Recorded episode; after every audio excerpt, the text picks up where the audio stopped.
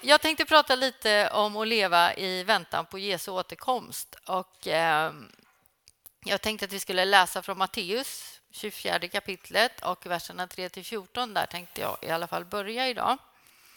Och ehm, väldigt munter överskrift på det kapitlet där. nöd och förföljelse, står det. Så, ja. Men eh, jag hör att det prasslar lite. Matteus 24, 3–14. Och jag har utskrift här för att det är något fel med texten i min bibel. Den bara krymper och krymper. Jag förstår inte vad det beror på. Eh, när Jesus sedan satt på Oljeberget och lärjungarna var ensamma med honom så gick de fram till honom och frågade Säg oss, när ska detta ske och vad blir tecknet på din återkomst och den här tidsålderns slut? Jesus svarade dem, se till att ingen bedrar er. Ty många ska komma i mitt namn och säga, jag är Messias och de ska leda många vilse. Ni kommer att höra stridslarm och rykten om krig. Se då till att ni inte blir skrämda, ty detta måste hända. Men därmed har slutet ännu inte kommit. Folk ska resa sig mot folk och rike mot rike och det ska bli hungersnöd och jordbävningar på den ena platsen efter den andra. Men allt detta är bara början på födslovåndorna. Då ska man utlämna er till att misshandlas och dödas och ni kommer att bli hatade av alla folk för mitt namns skull. Och då ska många komma på fall och de ska förråda varandra och hata varandra.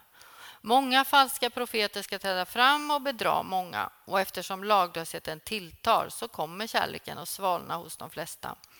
Men den som håller ut in till slutet ska bli frälst. Och detta evangelium om riket, det ska predikas i hela världen till ett vittnesbörd för alla folk. Och sen ska slutet komma. Ja, inte kanske en sån munter text så här på söndag förmiddag, men det var det här ordet jag fick. Och eh, jag tänker att det är en viktig tid och det är en viktig text. Och eh, Lotta tog ju upp här tidsandan så som vi känner det när vi tittar på nyheterna och så här. Eh, den här texten, när Jesus pratar med lärjungarna här eh, så eh, så innan det så har han talat i templet och med folket, om man säger massan. Då, va? Och sen så kommer de här lärjungarna liksom med honom och de går därifrån. Och då säger lärjungarna så här att ja, men kolla här på templet, kolla här, de håller på kolla vad fint det är, vilken byggnad och så där. Jag tycker det är jättekul att de visar Jesus det, eh, som om han inte hade koll, liksom, men i alla fall. Och då säger han så här att ja, men här ska inte ligga sten på sten, det här ska bli förstört, säger han till dem. Och det blev det, eh, 70 år senare. Eh, och, och, han förutsäger det här. Och det tycker jag det har så mycket att göra med Bibeln. En, en, en profetia en profe, den är bara sann om den liksom, och är på riktigt om den blir sann. Och texten innan här blev sann ganska snart. Och De här sakerna eh, kommer också bli sanna, som de står faktiskt. Det handlar om att eh, det kommer vara stridslarm och saker kommer hända. Och folk kommer resa sig mot folk, alltså folkslag. Och det har vi ju sett i sådana krig. Här i Europa har vi haft det också. Och eh, som eh, vi vet så pågår det ju hemska krig eh, nu och här. Vi sitter trygga här. Vi kunde gå till kyrkan idag och vakna i fred och ro. Men på andra platser, inte långt härifrån, så kan de ha vaknat till stridslarm eller sovit inte alls på grund av att de har varit tvungna att vara i något eh, skyddsrum eller så. När vi var nere i Israel för några år sedan, då, ja, då visade det sig att de har alltså skyddsrum i eh, hyreshusen. Så eh, inne i murstocken, liksom i mitten, så har varje lägenhet en dörr så de kan gå in där och liksom komma i ett schakt som är skyddsrummet. Så bygger de sina hus. Och Det kan ju vara bra nu när det är krig. Eh, men det är ju fruktansvärt att leva med det och visa sina barn att så här gör vi när det börjar larma. Då gör vi så här. Då springer ni. och så där. Ja. Och de här eh, texterna då, de liksom målar ju ut ändå någonting som säger till oss också att vi ska vara på vår vakt. Vi ska liksom hålla koll på detta. Eh, vi ska heller inte vara rädda, står det här. Och det är ju lätt att säga och svårt att göra. Eh, man är ju ibland rädd för allt möjligt, skulle jag vilja säga, och oroar sig för allt möjligt. Allt ifrån sånt som man verkligen inte behöver oroa sig för, som vad ska jag klä på mig och sådana där saker, till riktiga och viktiga saker. Då. Eh, det är inte så populärt att prata om de här sakerna. Och jag kände när jag fick en sån här text så tyckte jag ärligt pratat att det var jättejobbigt. Jag tyckte det inte kändes bra att komma till er och prata om den sista tiden eller tidstecken och såna saker. Ehm, det är ju knappt politiskt korrekt i vår kyrka att prata om det. Vi pratar ju jättemycket om kärlek. Att Gud älskar dig. Och det vill jag ju säga här idag också såklart. Herren älskar dig. Han älskar mig. Vi är hans folk. Vi är hans utvalda. Vi är hans ögonsten. Och han vill hålla oss så nära sitt hjärta. Och han vill hålla oss så nära sitt Eh, ja, sin välsignelse. Han vill liksom ge oss av sin välsignelse i den här tiden. Han vill ge oss av sin frid. Och han har liksom inget behov av att snåla med den. Eller tycka att nej, den där personen förtjänar inte det här. Utan han, han öser på. När han öser på så öser han på ordentligt. Det är inte så att han... Han, eh, ja, han behöver inte snåla. Eh, allt är hans. Allt guld, allt silver och all härlighet. Eh, ja. Men jag tänker så här att idag då eh, när Jesus kom in, liksom på, föddes till jorden, då började ju den här tidsåldern som man brukar prata om. Och han började att prata om att den också kommer ta slut. Det kommer hända någonting. Och det är ju inte fel att säga att det i alla fall är närmare än vad det var då och det är närmare än vad det var för 40 år sedan kanske. För jag tror att den här rösten ändå fanns i kyrkan eh, för 40 år sedan kanske. Men efter den perioden när jag har kommit med så har det tystnat och många av dem som var jämngamla med mig var oroliga att, eh, att Jesus hade kommit tillbaka när de kom hem och det var tomt hemma. Eh, man var orolig att eh, Jesus skulle komma och jag inte var frälst och så. Men nu vet jag att det finns ingen fördömelse för den som är i Kristus. Tillhör du Kristus, vill du tillhöra Kristus, vill du tro, så får du det. Då skyddar han dig. Han eh, kommer inte visa bort dig. Det är inte så att du blir kvar om du inte vill. Om du vill tillhöra honom så kommer du att göra det. Eh, och, eh, men vi har ett uppdrag att predika allt som står i ordet och det här står ändå där av en eh, anledning. Och Jesus talar faktiskt om slutet och eh, mer nästan än om himlen. För vi behöver ju ha siktet och eh, blicken på himlen också. Eh, Jesus han säger så här att åt mig har getts all makt i himmelen och på jorden. Eh, gå därför ut och gör alla folk till lärjungar. Döp dem i Faderns och Sonens och den helige Andes namn och lär dem att hålla alla de bud som jag har gett er. Och jag är med er in till tidens slut. Så han har liksom inte tänkt att överlämna det här till oss och sen liksom schappa ut bakdörren så, utan han har ju tänkt att vara med. Och vårt uppdrag under tiden var ju då inte att springa runt och vara rädda, att vara oroliga eller hela tiden lägga ut texten om hur förfärligt det är, vad, vad tråkigt allt som händer, vad ska vi göra och så där. Utan vi har ju fått ett annat uppdrag. Evangelium. Han har ju anförtrott oss det. Han är, och han ska gå med. Han, han, eh, han ska leda oss i det. Och eh, ja, eh, jag tänker vi pratade... Ja, nu tar jag det här igen. Vi tog det här med krig och sådana saker. Jag vet inte om ni orkar titta på nyheterna. Men det, jag gör knappt det. Ibland tar jag nyhetspaus. Min man han är mera så att han, eh, han, han går igång på det här med nyheterna. Då känner han sig ännu mer liksom att yes, nu är det viktigt att vi som kristna gör något här. Och det är ju kanske mera rätt. Jag blir bara så här, nej Ah, jag tittar på Netflix och käkar chips, jag orkar inte. och det kan man ju förstå att inte det är rätt taktik helt enkelt.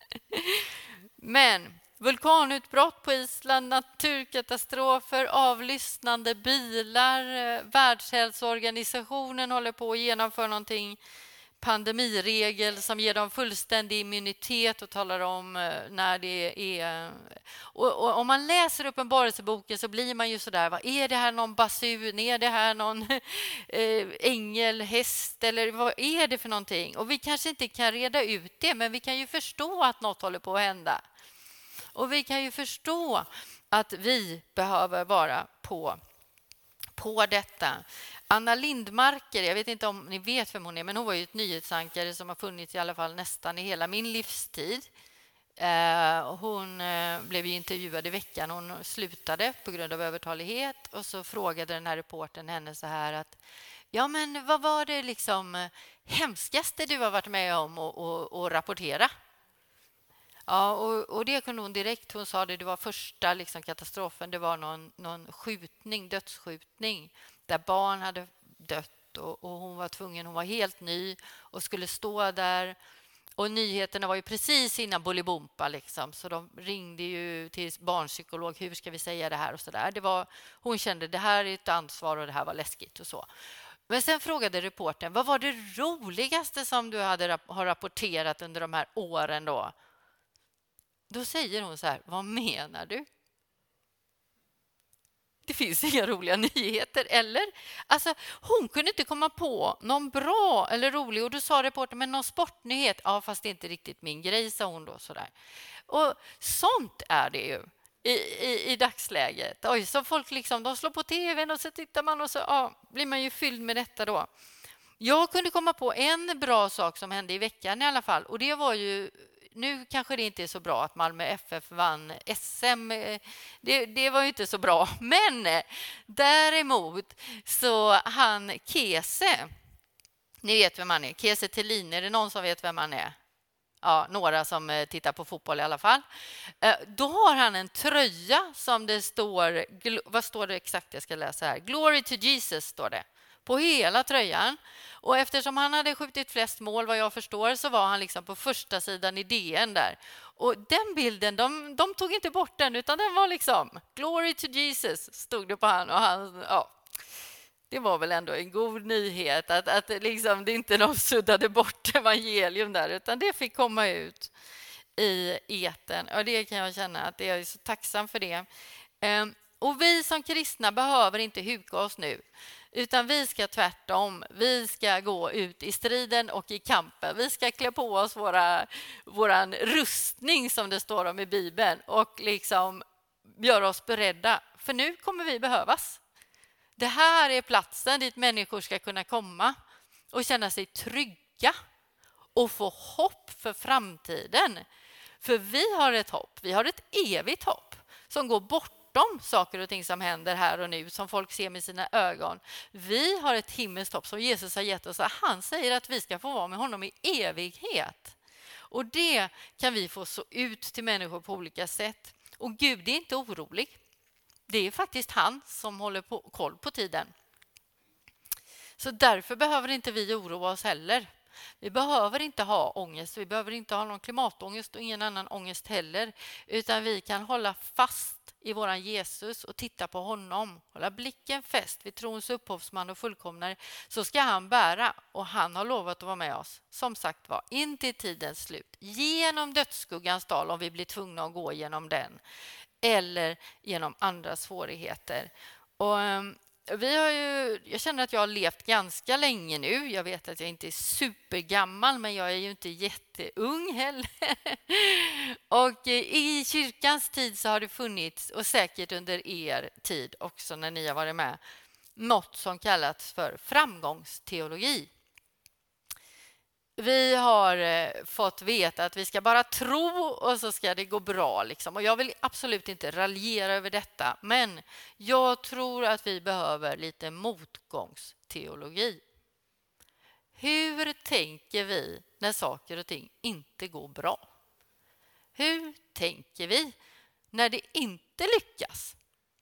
när mitt företag läggs ner eller när jag blir sjuk eller när inflationen går hög och, och vi slutar bygga hus och allt sånt där. Liksom. För vi, vi sätter mycket hopp och tilltro till marknadsekonomin i Sverige, att den ska rädda oss ut ur, ur eländet på något vänster. Har jag bara pengar så, så klarar jag mig liksom en bit till och så. Men det är inte den som är vår räddning, utan det är Jesus Kristus och korset, hans död och uppståndelse. Och han vill bo i oss med sin frid och med sin heliga ande. Så vi har möjlighet att bjuda in honom med sin heliga ande och leda oss framåt för dagarna som kommer. Och eh, vi kan sporra varandra till goda gärningar. Jag tänker att medan vi väntar på att Jesus ska komma tillbaka så behöver vi ju sporra varandra och eh, pusha lite och hämta upp det där eh, humöret ibland. Och hur gör man det då? Ja, jag tänkte ju på den här missionsbefallningen. Jesus har ju gett, han gav ju lärjungarna det uppdraget och det gäller ju oss också, så ingen kommer vara arbetslös här. På det sättet. I Guds rike har vi alla ett jobb. Eh, och såklart, jobb kanske inte är det första. Vi tillhör ju hans familj, men vi har någonting att göra och vi behövs och vi är viktiga. Och Bibeln uppmanar oss till att titta på de som gått före, förebilder, Eh, de som, eh, de som eh, ja, som inspirerar oss. Och bara den här veckan så tänkte jag på det. Vi, var, vi hade Alfa i tisdags. Vi har också startat en Alfa-kurs efter eh, den här Det finns hopp-konferensen. Och, och 30 stycken anmälda hade vi i år. Och det är rekord. Det har vi inte haft förut på många år. Så roligt. Människor som bodde i Åsa och några som bor i, i Kungsbacka. Och eh, att varje vecka prata tro med dem, att se hur de växer och så där. Det är så härligt. Och då har vi en kvinna som är med där i det här alfa-arbetet och hon har alltså bett till frälsning med 168 personer. Hon har räknat dem, Ehm, började göra när hon märkte att det här var liksom en av hennes gåvor. Vad ska man säga? Hon, eh, när hon jobbar natt så sitter hon och pratar om Jesus med dem hon jobbar natt med. De kommer ju inte undan. De är två stycken som sitter på vak tillsammans. Eh, en av kvinnorna som hon bad till frälsning för har jag fått förmånen att döpa här för eh, något år sedan. Och hon hon, hon, hon flödar i detta. Det här är hennes livsnerv på något vis. Liksom, att hon, och på gudstjänsterna så frågar man henne vill du vara med i förbönen. Japp, vad säger hon? För då tänker hon jag kanske kan få be med någon idag till frälsning eller till helande eller någonting. Och hon har inte ett eget självförtroende, jag vill inte påstå det, utan hon har ett gudsförtroende. Hon har en fantastisk förtröstan och tillit på Gud och att han hjälper henne med det här på något vis. Och Det här är ju hennes grej, men jag känner mig så inspirerad. När jag tittar på henne så tänker jag bara jag borde bli mer lik henne. jag borde lära mig några också ingångar i samtalet. Ibland får vi ingångar i ett samtal. Jag satt i, i torsdags bredvid en kille, ung kille och han säger så här till mig att ja, men religion det är ju det tråkigaste som finns. Alltså, jag tyckte verkligen det, säger han. så här. Men i skolan var det väl lite ibland när vi hade såna här äh, diskussioner, lite debatter, då var det lite roligt. Och sen stoppade han ju där och jag kände så här, varför... Alltså efteråt, varför plockade jag inte upp den bollen? Jag hade ju kunnat säga hur många saker som helst om det till honom ah, för att han skulle få hitta någon tro någonstans eller känna så här att han... Ja, nu, man ska inte gå runt och ångra sig, men jag hade ju kunnat... Hade jag varit den här andra kvinnan, då hade han väl varit frälst vid det här laget. Jag vet inte. ja, Nej, så vi behöver påminna varandra om vem vi är, vem vi tillhör främst. Vi tillhör Herren. Så förebilder behöver vi. Eh, ja, vi behöver också, tror jag, någon form av eh, enkelhet. Det står så här att, att vi ska lägga bort det som tynger oss. Och så står det framförallt synden, står det. det står det i Hebreerbrevet 12. Och då, står, och då tänker jag så här, vad går jag runt och släpar på som faktiskt gör att jag sackar efter i mitt uppdrag? Vad är det som hindrar mig? Och jag kan själv tycka att gå hemma och ibland i hemmet och städa och pyssla och så där så känner jag så här om jag ska göra det här mycket så kommer jag städa ihjäl mig. Alltså det, det finns ju vrår som är dammiga hela tiden och så vidare. Det är en pytteliten sak, jag vet det. Men en avgud i den här tiden, en annan avgud är ju konsumismen till exempel. Jag läste en rapport nu i en av de här kristna tidningarna. Jag minns inte vilken det var, men det finns ju bara två att välja på. Men då stod det om konsumism, att det är en jättestor avgud. Och jag vet att den tar plats i mitt liv i alla fall. Och det är inte det att jag värderar sakerna för högt, utan jag värderar dem för lågt. Ja, min man säger så här till mig ibland när jag blir lite deppig. Gå och köp en tröja så blir du glad. Ja. Så ni kan tänka er att jag har hela garderoben full med tröjor. ja, jättebra idé tycker jag varje gång och far iväg så där. Ja, det kanske inte är en sån superallvarlig synd, men den tar plats i mitt liv och jag vet det. Jag behöver tänka på det. Det står ju här om synden, sånt som tynger. Kan du inte lägga din synd åt sidan, ta hjälp. Ta hjälp. Vi har en, en sån här Celebrate Recovery-kurs nu som vi kommer starta. Vi har en inspirationsträff den 7 februari. Och där handlar det om sår, ovanor och missbrukssaker som man inte kan lägga av själv. Eh, den kursen stod Marcus Adenfors igår och prisade högt. Den, den, är tydligen väldigt bra. Jag ska själv gå den för första gången, så jag har inte gått något sånt. Men synden tynger oss hårt. Vi behöver lägga den åt sidan, för den tar nämligen bort vår frimodighet. Det handlar inte om att du eh, liksom bara om dig, utan det handlar om, om det du är i församling och det du gör liksom mot andra människor. Och vi behövs. Så eh, både för dig själv och för andra så kan vi få möjlighet tillsammans med Jesus att lägga bort sånt som tynger så att vi frimodigt kan gå framåt. Ehm, ja, det är det sista som jag tänkte på. Tre saker då alltså. Man ska ju ha tre saker som man ska göra. Det är att vi behöver uthållighet. Uthållighet för att göra Guds vilja och få vad han har lovat. Eh, det vet eh, ni som har levt ett tag i kyrka och så vidare att eh, det är lätt att tappa modet. Men det står att han är oss trofasta. Alltså Herren ger ju inte upp på oss. Och därför kan vi löpa uthålligt mot målet. Och då tänker jag, om jag ska någonstans så måste jag ha ett sikte. Ni vet om man ska ro. Det finns ju mycket båtar här nere. Så där. Om man ska ro någonstans, så vart tar jag sikte? Om jag tittar precis där jag sitter så här, då kommer det bli så här. Men om jag tar sikte långt bort på ett träd eller en annan båt, inte en båt som rör sig, men något som står stilla då, och ror, då ror jag rakt. Och På samma sätt är det med vårt kristna liv. Om jag tar siktet på Jesus Kristus och på mitt eviga hopp på något vis, då är det mycket lättare att resa sig upp när man faller och liksom ta siktet igen. Ah, kom igen! Liksom. Och den här, det Desiree, vår dotter, hon, har ett, eh, hon, har, hon älskar den här boken där det står att det är alltid för tidigt att ge upp. Hon har en sådär, jag vet inte, den finns i massa upplagor och massa uppmuntrande ord och sådär, men den, det är alltid för tidigt att ge upp. Ja, så länge jag andas. Har du puls? Lever du idag? Ja, ja då, då är Herren här. Han vill vara med dig och han vill använda dig.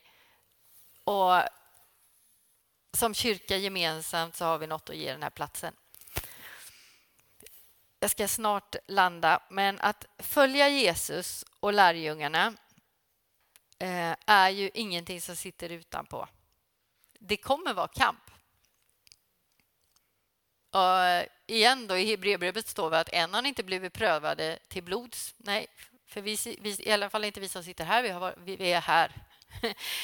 Eh, så eh, att det är kamp ingår. Det kommer vara så. Så är det för alla människor. Ibland så tar vi sikte på såren och tänker att ja, men nu är det så här och därför kan jag inte göra det här. Eh, så är det inte. För Herren han, han kan använda dig när du vill. När du vill vara en kanal så får du det. Ett, men ett liv i Jesu efterföljd, det är att ta på sig sitt kors. Och så går man. Och det här korset, det säger Jesus själv att det ska vara lätt att bära. Känns inte så alla dagar, men ibland. ibland. Ja. Ehm, ska vi, jag tänkte bara, jag kan ju avsluta bara med en kort, kort om det här med den här eh, konferensen som vi fick vara med om. För att det var ju så roligt att du tog upp det Solveig såklart. Och för oss så var det ju en stor sak. Vi höll på många månader. Vi hade ju 15 församlingar ungefär engagerade. Det var 300 volontärer. Det var fyra fantastiskt intensiva dagar. Men Anders och jag, vi, vi hade ju våra livsdagar. Vi hade ju jättekul. Vi, det, det, var så roligt så att det var inte sant. Och ni vet när man har problem att samla 50 personer en vanlig söndag och så kommer det 10 000 personer på fyra dagar till vår lilla by som ber för platsen och som liksom luckrar upp jorden, för så kände vi. Och Sebastian han sa själv att vi har sått nu, sa han. Vi har sått nu. Det kommer börja växa. Var lugna, det kommer börja växa. Och det tror vi gäller också här i den här byn. Det har luckrats upp jorden. Folk har bett. 10 000 personer bad ju faktiskt där på platsen. Och vi fick vara med om eh, några stora saker. Jag var ju konstigt nog, då, igen apropå att oroa sig för fel saker. Jag var ju så rädd att det bara skulle komma 300 personer istället för flera tusen som vi hade grejat och ställt upp tält och 3500 stolar och allt. Och så såg jag framför mig, tänk om det bara kommer 300. Du vet, och Anders bara, men varför tror du det? Det kommer komma folk. Så på torsdagen när den här kön liksom var i byn där, då, då sa han, är, du, är du nöjd nu? Jag bara, jo, jo, jo, jo, jo, det kommer så här. Och sen fick vi också eh, vara med och vittna. Många som fick omvända livssituationer många som fick nytt hopp. Det hette ju Det finns hopp. Otroligt många i vår närhet som har kommit till kyrkan som känt så här att nej, jag har inte gått på ett bra tag, men nu ska jag ta tag i det här. Um, jag vet inte vilket som var mest fantastiskt. Det var väldigt uppmuntrande. Det kom ett litet par innan allting började, på torsdag när vi, jag var där och ställde i ordning saker, så kom det en välklädd ung tjej och kille på utsidan och läste på en skylt på vår skylt då att mötet börjar. Ja, och jag kände att jag ska gå fram och prata med dem. Så jag gick fram till dem och så sa jag, hej, hej, eh, ska ni komma till konferensen? Så här, för den började ju om fem timmar eller något. Och de bara, nej, tyvärr, men vi blev så nyfikna vi såg tältet och skylten och så där. Va, vad är det här för någonting? Nej, men det är ju en eh, kristen konferens och det är Sebastian Staxet. Ja, de hade inte riktigt hört talas om honom, men, eh, men jag sa, vill ni komma in? Jag kan visa er tältet. Och så gick vi in. Och man hade ingen kristen bakgrund, ingenting. I alla fall inte vad de sa då. Och så stod Janne Lund och soundcheckade där inne och spelade på sin, eh, vad heter det, Sax, jag säger fel varenda gång, saxofon. Och sen började han sjunga en frälsningssång. Och jag står där med det här paret och så börjar tårarna rinna på henne. Och så tittar hon på mig och säger, vi får en egen gudstjänst här, sa hon. Ja. Och jag bara, vi kände Guds närvaro så starkt så jag ville låta dem både vara i fred och vara med dem. Sen kom Janne ner och började prata och jag stod där. Men sen blev jag upptagen med något annat. Men då hämtade jag också Gabbe. Han är en sån där person som inte heller släpper folk utan att be för dem. Och när jag går därifrån igen då, vilket jag var tvungen att göra, så vänder jag mig om. Då står de och ber för det här paret. Då fick de be och jag, har en bild, jag sparade en bild för jag tänkte ja, men det här såna här moments när människor som kommer helt utifrån får uppleva Guds kärlek och bara värme. Och de var helt tagna efteråt. Helt tagna. Eh, en helig stund i en eh, vanlig vardag, om man nu ska säga så, vanlig och vanlig. Men det var fantastiskt. Ett litet vittnesbörd om någonting som hände. Det var massor av saker som hände. Eh, så då landar jag här nu. Men eh, vad kommer du in i det här då? Ja, men jag bara tänker att idag vi får hämta nytt mod. Vi får hämta nytt mod i ordet, vi får hämta nytt mod hos Jesus och han vill möta oss här med sin heliga Ande. Och vi ska ju ha nattvard tillsammans, vilket är ett fantastiskt tillfälle att igen ta emot Herrens kärlek in i din situation, in i ditt liv. Och om du har någonting som du känner dig tyngd av, lägg det vid korset idag. Lämna det vid korset. Det finns ingenting som är för stort eller för litet för Herren att ta hand om. Han dog för dig. Han dog för dina synder och dina skulder. Dina bördor tog han på sig, står det i ordet. Ja, jag stannar där. Amen. Amen.